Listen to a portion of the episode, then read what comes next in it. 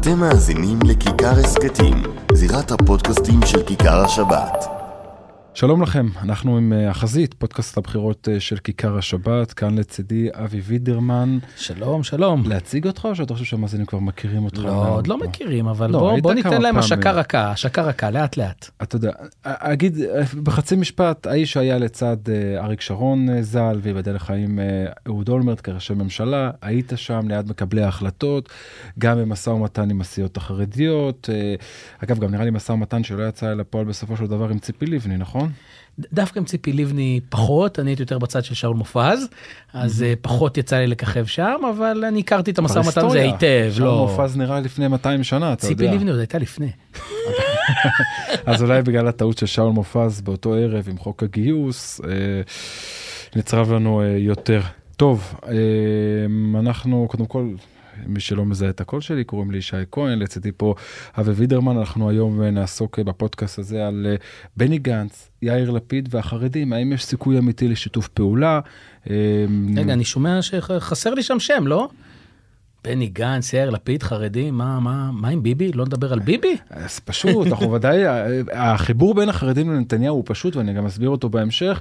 אה, ואתה מזכיר לי, אפילו כולל היום שהתראיינתי בתקשורת הכללית, וכשאתה מדבר על האופציה של בני גנץ, אז אומרים לך, מה, נתניהו כבר לא? כאילו, ה- כביכול האהדה לנתניהו יורדת, וזה בכלל לא המצב, ואנחנו נדבר על זה בהמשך. עוד נושא אחד זה דגל ואגודה, לרוץ יחד או לחוד, סקרים, בעד, נגד, ונושא שלישי זה איתמר בן גביר והחרדים, תופעה שאני חושב שכבר יצאה משליטה. אני מסכים. נראה שזה זה אחד הנושאים המעניינים שיכריעו את הבחירות הקרובות. נכון. עכשיו, אנחנו נפתח, כמו שאמרנו, בסיפור של אה, אה, יאיר לפיד והחרדים, ואז נעבור לבני גנץ, שלדעתי, לפחות מההסתכלות שלי, זה אותו נושא. ואני רוצה לשאול אותך, אה, אבי, מהמבט שלך, אני תמיד מדבר עם הציבור החרדי, בתקשורת החרדית, בכיכר השבת כמובן, באולפן, על הזווית החרדית לשיחות האלו בין גפני אה, ליאיר לפיד. תן לי את הזווית של הצד השני במרכאות. של אה, גנץ או של לפיד? לא, של הציבור הישראלי לא חובש הכיפה, שמסתכל על יאיר לפיד שלפני, ב-2013 כמעט אה, עשור, צעק לגפני, סיימנו לקבל מכבודו הוראות, ואנחנו זוכרים את כל הטקסטים שלו נגד הסיעות החרדיות, והיום הפך למחזר הלאומי אה, אחרי הסיעות החרדיות. אני אגיד לך משהו שאולי קצת יפתיע אותך. אני, זו מסקנה שאני הגעתי אליה לפני עשור, ואני חייב להגיד לך שבימיו ה- עליזים בכנסת, בדיוק בימים שאתה הזכרת ש... של המשפט ההוא, אה, אני גם נתתי לאנשיו של אה, יאיר לפיד את התובנה הזאת, אבל לא, אז אף אחד לא רצה להקשיב. אני חושב שכל הנושא החרדי הוא מאוד נעים לאוזן החילונית כשנכנסים בחרדים, אבל הוא לא באמת מזיז קולות. רגע, אתה מספר לי שכבר ב-2013, כשלפיד אה, פורץ לחיינו הפוליטיים, אתה כבר אז מדבר עם אנשיו ואומר להם, חבר'ה, רדו מהסיפור הזה של הציבור משמעית, החרדי? חד משמעית, כן. ומה אתה שומע? אני שומע חוסר בשלות בעיקר. זה הייתה אז חוסר בשלות להבין את מה שאני אמרתי. אגב, לא סתם הם הגיעו לנקודה הזאת היום. הם בעצמם ראו שקולות זה לא מביא. זה עושה מאוד נעים באוזן הכללית החילונית. כן, תשתתפו איתנו, תתגייסו איתנו וכולי וכולי, אבל בפועל זה לא מה שמזיז את הפתק מימין לשמאל. והיום כשאתה מזכיר להם את השיחה ההיא, אני חושב שהם אוכלים את הכובע בגדול. אוכלים את הכובע בגדול. אגב, אתה חושב שיאיר לפיד עבר שינוי אידיאולוגי אמיתי, שהוא חושב שהוא טעה בהתייחסות שלו לציבור החרדי, או שהכל משחק פוליטי, אגב ככה אני חושב גם, שהוא מבין שכדי להיות ראש ממשלה ולא ראש ממשלת מעבר לארבעה חודשים, הוא חייב את הסיעות החרדיות איתו. אני חושב שגם וגם. אני חושב שגם וגם. זאת אומרת, יש פה ממד אידיאולוגי שאתה בסופו של דבר רואה, תראה, אנחנו, אני מניח שעוד יצא לנו בפודקאסט לדבר קצת על גיוס. אנחנו רואים שככל שהגיוס מתרחב, יש יותר ויותר אנשים שרות, שפ, סליחה, פחות ופחות אנשים שמעוניינים בגיוס חרדים, כי זה מביא איתו גם דברים שהציבור לא ראה שיקרו, כמו אה, אם אתה מכיר בוודאי את כל נושא שירת הנשים בצה"ל, mm-hmm. שירות הנשים בצה"ל, זה מגיע עם כל מיני סנקציות שאף אחד לא דמיין, ופתאום, רגע, רגע, זה לא, זה לא בדיוק מה שרצינו.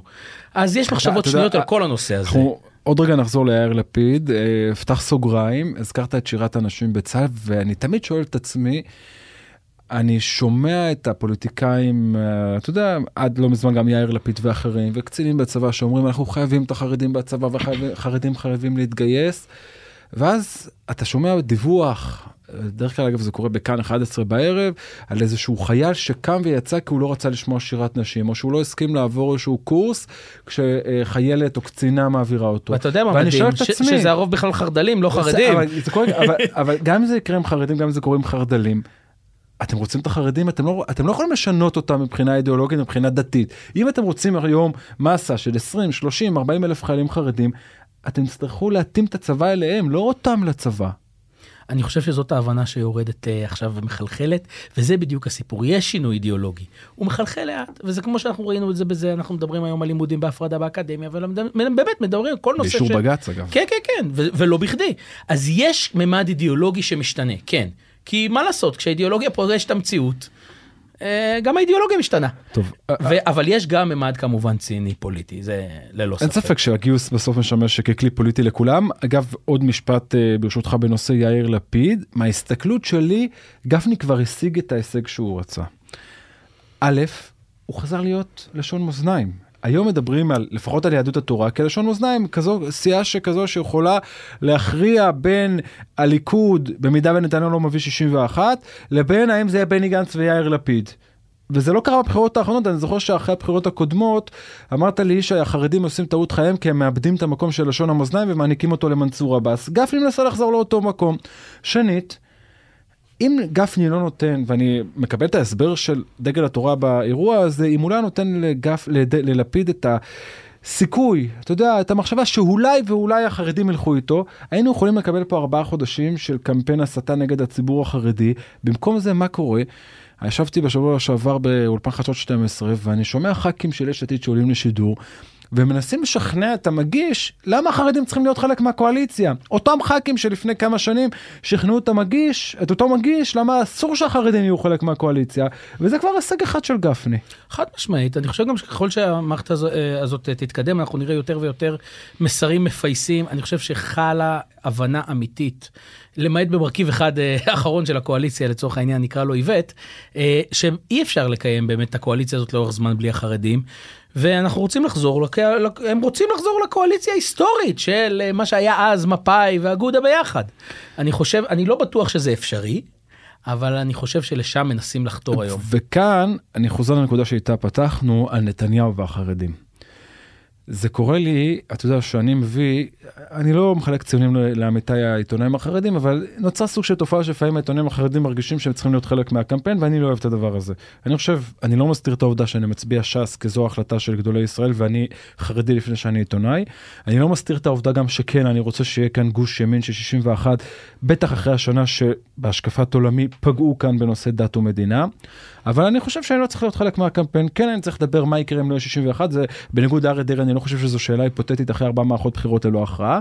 ואז אני מגיע לכלי תקשורת כלליים לדבר על הנושא, או כותב טורים, ואתה רואה את העיתונאים שפחות אוהבים את נתניהו, אה, בטוחים שהנה הסתיים הסיפור בין החרדים לנתניהו, והם לא מבינים דבר אחד, שלפעמים קשה גם להסביר להם את זה.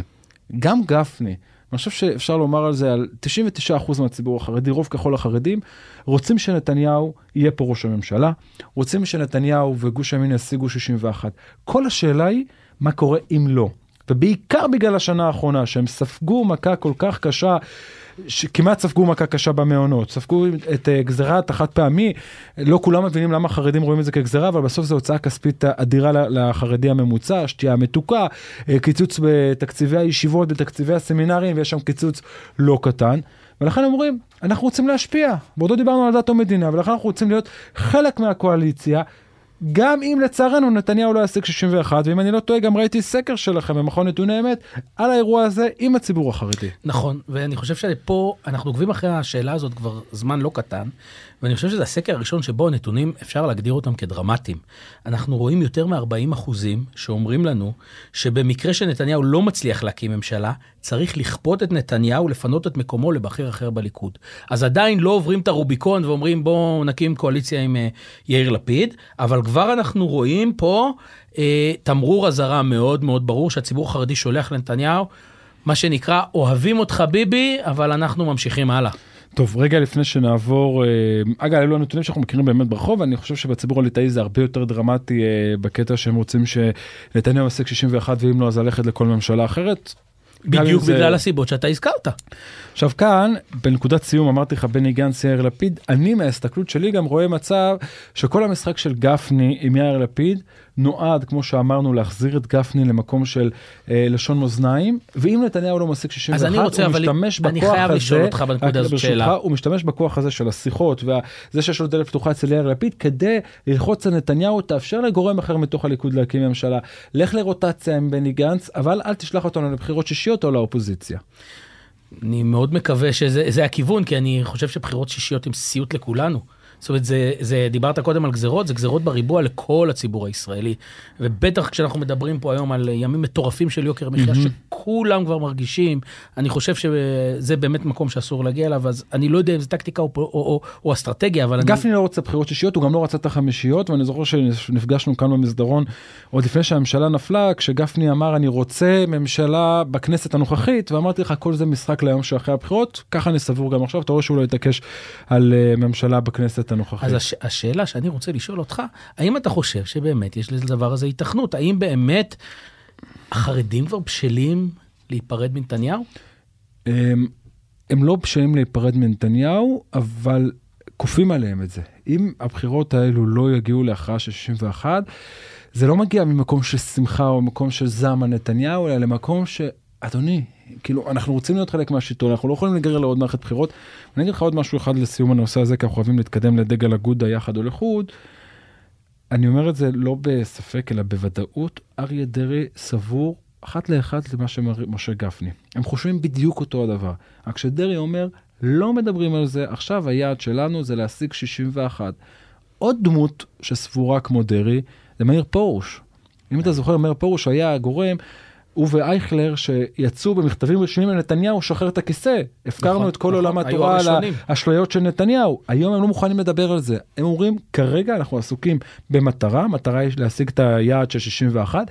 אם לא נגיע ל-61, אני אומר לך בוודאות, יהדות התורה תהיה מאוחדת סביב גפני. צריך גם. לזכור אה, שבמצב שאנחנו הולכים לבחירות שישיות, יאיר לפיד יהיה יותר משנה וחצי ראש ממשלה נכון. בפועל. אנשים לא לקחו את זה בחשבון, אנשים כמו ניר אורבך. טוב, אה, אגב, אני לא חושב שניר אורבך היה לו בעיה עם יאיר לפיד, כי כשהוא נכנס לקואליציה, הוא ידע שלפיד יהיה בסוף ראש הממשלה, הייתה לו בעיה עם ההתנהלות של הקואליציה, ויצא לי השבוע לשבת איתו, זה. הוא הרגיש נסחט בסופו של דבר, שרע"מ שולטת, שנשענים על הרשימה המשותפת, הוא אומר, עברנו כל קו אדום, אבל עוד ש- ש- נקדיש זהו, גם לו... ש- אה, ש- שווה לדבר עליו בהרחבה ולא ככה כלאחר יד. טוב, עכשיו אני רוצה לדבר איתך על נושא אה, שיותר פנים חרדי, וזה האם דגל התורה ואגודת ישראל צריכות לרוץ יחד או לחוד. עכשיו, ברשותך אבי, אה, אתה שולט יותר ביאיר לפיד ובני גנץ, אני, יש לי קצת, עם הצניעות, טיפה הבנה יותר במה שקורה ביהדות התורה, ואני, הנה, אנחנו מוקלטים כמו שאומרים, יש כאלה אומרים צלמו מסך, אני אומר לך, אנחנו מוקלטים. אני אומר כמעט בוודאות של 100% דגל התורה ואגודת ישראל ירוצו יחד. אף אחד לא ייקח על הגב שלו את הסיכון שבו דגל התורה תעבור את אחוז החסימה על 4-4.5 מנדטים, אגודת ישראל לא תעבור את אחוז החסימה, ואז הנה, ניצחתם במלחמה הפנימית עם אגודה, אבל גרמתם לנזק אדיר ליהדות החרדית, וכמובן לגוש כולו.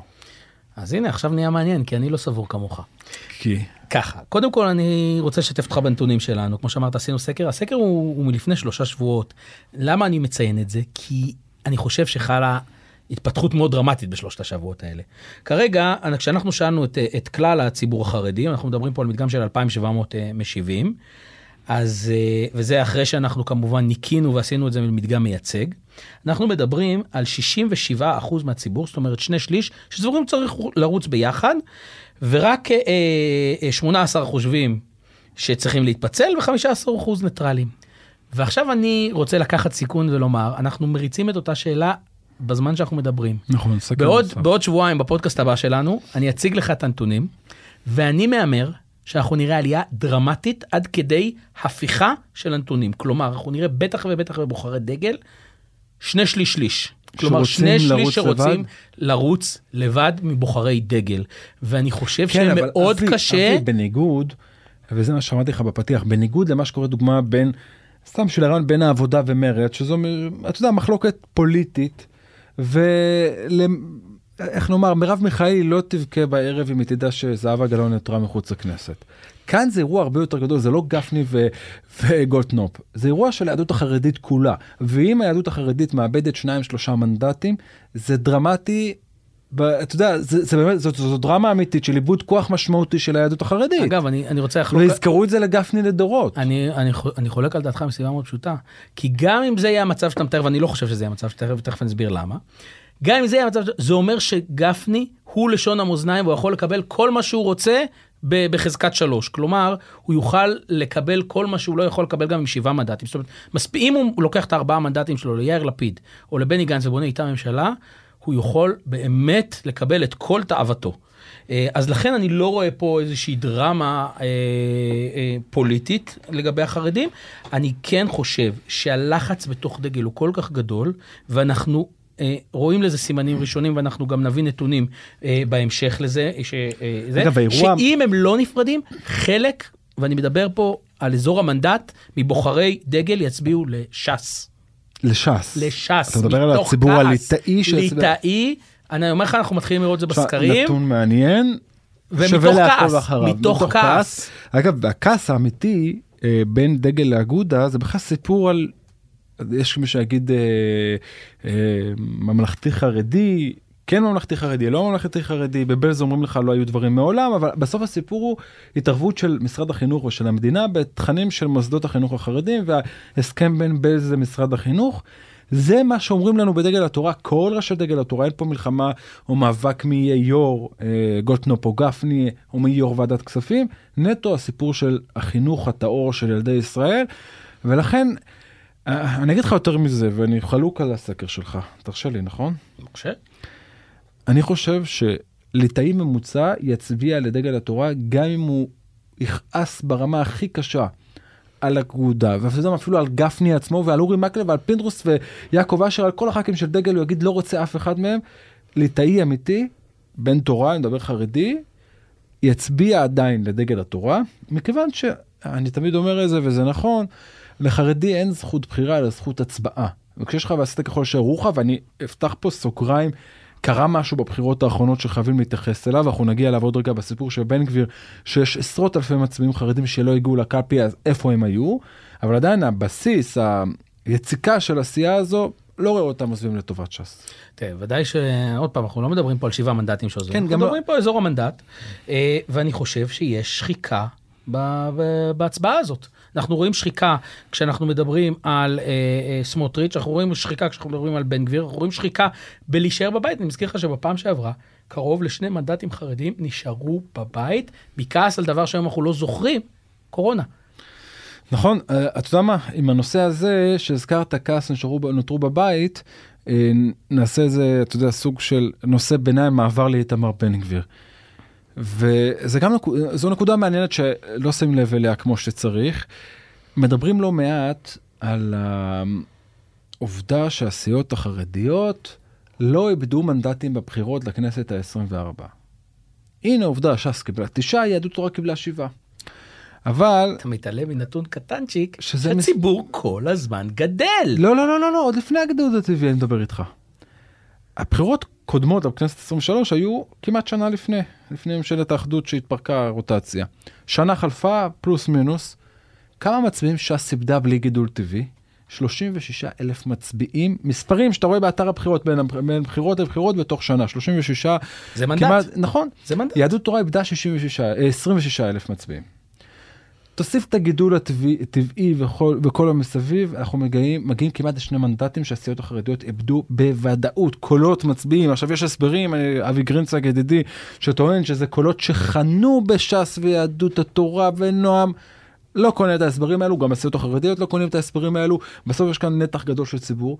עכשיו יותר מזה, אתה הולך ברחוב, אתה שומע את האכזבה בציבור, אתה שומע שאנשים לא הלכו, ולכן גם דרעי משנה את הגישה במערכת הבחירות הזו. אם אתה זוכר, בבחירות הקודמות, אה, כל ש"ס עסקה רק בדיגיטל, דיגיטל וסרטונים וסטטוסים בוואטסאפ. אני זוכר שהיו מקבלים טלפונים פעילים של ש"ס, למה עוד לא שמת, העלית לסטטוס איזה סרטון בחירות? ככה לא מביאים מצביעים. בסוף ש"ס יש לה כוח אמיתי להוציא מצביעים מהבית לקלפיות, בעיקר בפריפריה, חובשי הכיפות השקופות כמוך, אה, והיא נכשלה בבחירות האחרונות, ודרעי משנה כיוון, התקווה שלו גם להצליח להחזיר אותם הביתה, אבל קרה משהו. וזה מעביר אותי לאיתמר בן גביר, שאתה רואה לא מעט חרדים שמצביעים לו. נכון, ואנחנו גם רואים נתונים שהולכים ומתגברים. הסקר האחרון שלנו, אגב, אנחנו חזינו את זה ממש, את, את, את נתוני האמת, שלושה שבועות לפני הבחירות הקודמות, אה, את המעבר לסמוטריץ' ובן גביר. נכון, אני זוכר, בלי להסתכל על הדפים שאתה פותח פה, אני זוכר שבבחירות הקודמות אמרת לי כמנדט מהסיעות החרדיות הולכות לבן גביר. אגב, בן גביר וסמוטריץ' אז אמרו לי שגם סקרים פנימיים שלהם, סקרים טלפונים, ואני אשים לשאול אותך גם כמה שעות על הסקרים, אה, גם הביאו את התוצאה הזאת של מנדט, והשבוע ראיתי סקר של פער דרמטי בין הבחירות הקודמות לבחירות האלה. נכון, זה גם מה שאנחנו רואים בסקר שלנו. אנחנו רואים ש-20% מהמצביעים החרדיים, אני לא רוצה להגיד יצביעו, בוא נגיד שוקלים ברצינות להצביע לציונות הדתית ועוצמה לישראל. אנחנו מדברים על משהו שהוא באזור השני מנדטים, זו חתיכת דרמה בעיניי. אם בבחירות הקודמות דיברנו על 9 אחוז, נכון? שאמרו שהצביעו לבן גביר, אנחנו מדברים על 20 אחוז. זה שני מנדטים שעוברים היום, אה, אתה יודע, אבל שים לב משהו מדהים.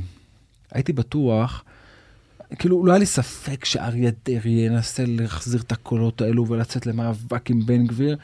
לא יודע אם זה החשש שהזכירו לו את אוסו ועוד פעם הפכו אותו לדמות שמאלנית, אה, גורמת לו לשתוק, או שהסיפור האמיתי הוא, כמו שאומרים אנשיו, אגב נראה לי יותר הגיוני, הוא אומר, א', כל אתם נשארים בגוש, אז אני ארד לשמונה, יישאר על תשעה. אם זה- הגוש מביא זה- 61, זה, זה אגב פילוסופית ביבי אם אתה שמת לב. כן, אני אקבל את אותם- לימד את כולנו את השיטה את, הזאת. את, את אותם מספר שרים אני אקבל, אקבל את אותו תפקיד בכיר אם זה יהיה לי שמונה או תשעה, העיקר שיהיה 61 ולגוש השני לא יהיה את ה-61. שנית, אומרים לאנשי דרעי, אם הוא יוצא למלחמה נגד איתמר בן גביר, יותר מאשר זה יסייע לנו, זה יסייע לבן גביר. כי הצעירים שרוצים להצביע לבן גביר, זה צעירים גם שיוצאים בסוג של מחאה. עזוב את זה שהחרדים, אגב זה נתון שאני משתמש בו הרבה מהסקרים שלכם בנתוני אמת, שהחרדים הפכו אה, להרבה יותר ימניים. כל שנה אני רואה את הנתונים עד כמה הם הופכים ליותר ויותר ימניים.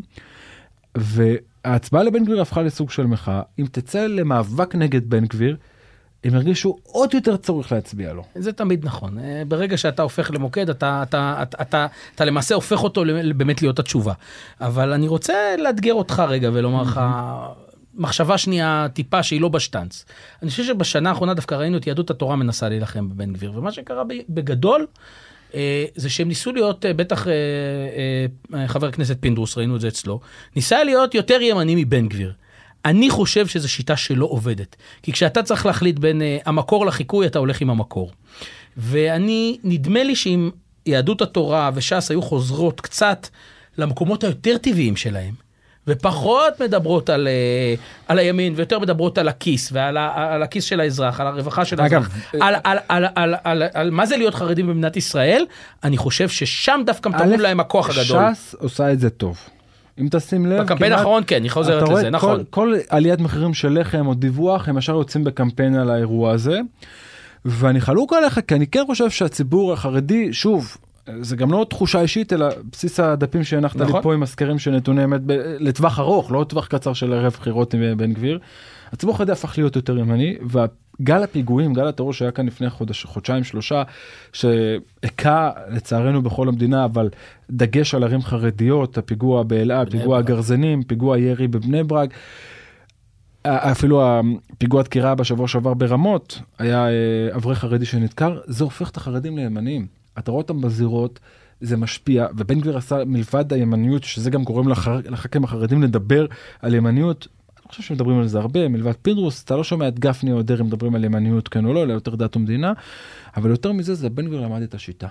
שטח, שטח, שטח. דוגמה, ל"ג בעומר האחרון, אה, אם עקבת אחרי הדיווחים בתקשורת החרדית בעיקר, אה, ואני נוטה להאמין שאתה קורא בכיכר השבת לפחות פעמיים ביום, אם לא למעלה.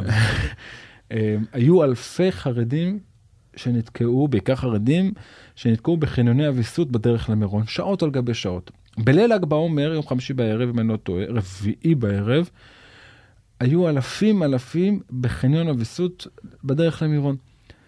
ואני זוכר את התמונות שהגיעו אלינו, וההר ריק, אגב, ההר היה עם כמה אלפי חוגגים בודדים, ודיווחתי את זה בזמן אמת, וחטפתי צרחות מהמשטרה שזה fake news ושקר, ובסוף דוחות רשמיים של המשטרה מדברים על, של הפרויקטור אה, מדבר על כך שלא הגענו לשעות השיא, 9,000 משתתפים, אבל נניח את זה בצד. עכשיו, כשיושבים אלפי אנשים באוטובוסים, תקועים, אין להם למי לפנות מלבד התקשורת, ופתאום מגיע המושיע. איתמר בן גביר מגיע מהפמליה והמאבטחים שלו ומתחיל לצעוק ומשתמש ולהשתולל, בחסינות. ומשתמש בחסינות והשוטרים נלחצים ולא רוצים פרובוקציה מתחילים לשחרר אוטובוסים הוא יוצא האוטובוסים נעצרים חזרה. מה קורה לאותם אלפי חרדים שהיו שם שראו את בן גביר בשלוש בבוקר יושב שעתיים לטפל בציבור החרדי שהוא לא מצביע לו כביכול בהצבעה האמיתית אתה יודע חרדי אמור להצביע ש"ס יהדות תורה פתאום מגיע לו אחד מזרוחניק מהר הבית ומשחרר אוטובוסים והוא בכל השעות האלו לא ראה אף אחד כמו נציג ציבור חרדי. מה קורה לו כשהוא חוזר הביתה? מה הוא מספר לכולם? בן גביר הושיע אותי. ככה בונים צווי שטח. נכון, והוא גם אה, נוכחות תקשורתית, אבל אתה יודע, אתה הזכרת את מירון, ופתאום, ככה, אני רוצה לחזור שנייה רגע לתחילת השיחה. רק, רק לא מזמן שמענו את העדות של אה, נתניהו בפני הוועדה. שבוע שעבר, נכון. ואני, אתה יודע מה, אני לפעמים קצת עומד, אה, אתה יודע, קורא, קורא, קורא את התקשורת החרדית, ואני אני באמת לא מצליח להבין. בעיניי המשפטים שנתניהו אמר שם, הם איומים ונוראים כלפי האכפתיות לציבור החרדי. איך זה לא בא לידי ביטוי? הוא, מה שאמרנו שם זה לא ידעתי, לא שמעתי, לא הביאו לי, לא קראתי, לא עבר דרכי. אתה מאמין לזה? אני מניח את זה בצד אם אני מאמין או לא. כאב לי משהו יותר גדול. אתה יודע מה? הוא הרי אמר שאם היו תופסים אותו בדש של המעיל ומנענים אותו ואומרים הולך להיות סכנה, הוא היה מטפל בזה, הוא אמר, "בב- אני מבטיח לכם לא היה ספק שלא. איפה היו הפוליטיקאים החרדים? איך הם לא תפסו אותו במייל? הרי הם ידעו שהאזור הזה מסוכן, ידענו כל השנים, אני זוכר, לא אומר את זה בספק, אני זוכר בוודאות שכל שנה אחרי הילולת ל"ג בעומר, המנהלים, הרמטכ"לים היו קוראים להם של ההילולה, היו אומרים לך, הייתי אומר להם, תשמע, איזה הישג, לא הייתה קריסה, לא היה כלום, לא, אף אחד לא דיבר על קריסה של, אה, של מדרגות, או זה קריסה של, של התחבורה ושל הציבור ושל הוויסות של הציבור. אומרים לך אין הסבר הכל ניסים אי אפשר להבין מה קרה איך זה מסתיים בלי בלי אה, אסון. ולכן אני שואל איפה אתם הייתם זה יותר מעניין אותי מאיפה נתניהו היה. עכשיו אני לא מנקה את נתניהו אני שואל הרי בסוף מי, מי כן מכיר בוודאות את מירון הנציגים החרדים איך אתם לא תפסתם אותו בדש של המייל זה מה שמעיק לי הרבה יותר מהעדות של נתניהו.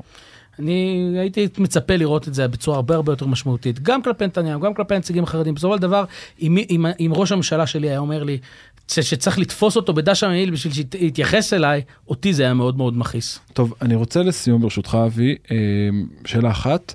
אה, השבוע פרסמתי את הסקר על אה, שנתוני אמת על אה, יהדות התורה אם צריכה להתפצל או לא צריכה להתפצל אה, ושאלו אותי לא מעט חברים איך אפשר באמת לערוך סקר אינטרנט בתוך הציבור החרדי? לא לכולם יש אינטרנט. נכון שיש היום נתח אולי המרכזי ביותר אם כן יש להם אינטרנט מסונן אה, מאושר מפוקח זה עם סמארטפון זה במחשב בעבודה אבל עדיין איך אתה מצליח לדגום מגזר? שיש בו דוגמה סתם בשביל הרעיון יש בבני ברק עשרות אלפי אנשים מתוכם משפחות שהם לא יודעים בכלל מה זה רדיו אפילו. יש לך את מאה שעות איך אתה מגיע לכולם שאתה אומר אלו הנתונים. תראה, אה, צריך להבין שקודם כל 80% מהציבור החרדי נמצא כבר באינטרנט, ולשמחתי כל 80% האלה גם גולשים בכיכר השבת. אה, אני תמיד אומר שאני לא יודע כמה גולשים כאילו כמה חרדים גולשים בכיכר השבת אני יודע בוודאות שאין חרדי שיש לו אינטרנט ולא גולש בכיכר. אז אה, זה פחות או יותר גם מה שאנחנו יודעים, ואנחנו מגיעים למספרים כל כך גדולים, אומרת, הרי סקר בשביל שהוא יהיה אה, מדגם מייצג, אתה צריך פחות או יותר 500, זה המקובלה המחקרית בכל העולם. אנחנו מגיעים לאזורי ה-3,000, 4,000 בכל סקר, ואנחנו נותנים את המשקל.